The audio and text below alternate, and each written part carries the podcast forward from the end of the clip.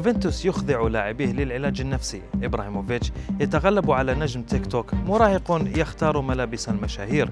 إليكم أبرز أخبار الرياضة في الساعات الأربع والعشرين الماضية في دقيقتين على العربية بودكاست.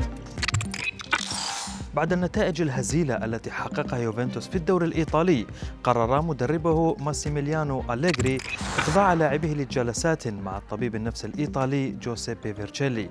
وذلك بعد تلقي الهزيمة الرابعة محليا. وبحسب صحيفة لا غازيتا ديلو سبورت فإن موراتا ورابيو كان على رأس اللاعبين الذين تحدثوا مع فيرتشيلي وقدموا الحلول التي يرونها مناسبة للأزمة قبل أن ينطلق الفريق من جديد.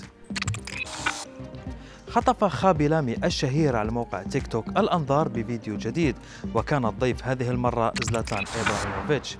وارتدى النجمان ملابسا مستوحاة من مسلسل لعبة الحبار. خابي الذي تخطى عدد متابعيه على تيك توك 100 مليون متابع. اشتهر بأداء العديد من مقاطع الفيديو المضحكة مع نجوم كرة القدم في إيطاليا كديل بيرو ديبالا وأخيرا إبراهيموفيتش.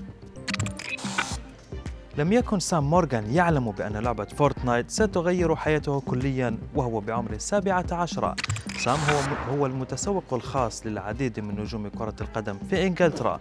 وبحسب تصريحاته فإن أغلبهم قد تعرف عليهم عبر لعبة فورتنايت قبل أن يصبحوا زبائنا لديه ومنهم بول بوجبا جاك جريليتش وحتى ويلفريد زاها الذي اقتنى من متسوقه الخاص سترة من علامة برادا بقيمة عشرة آلاف دولار.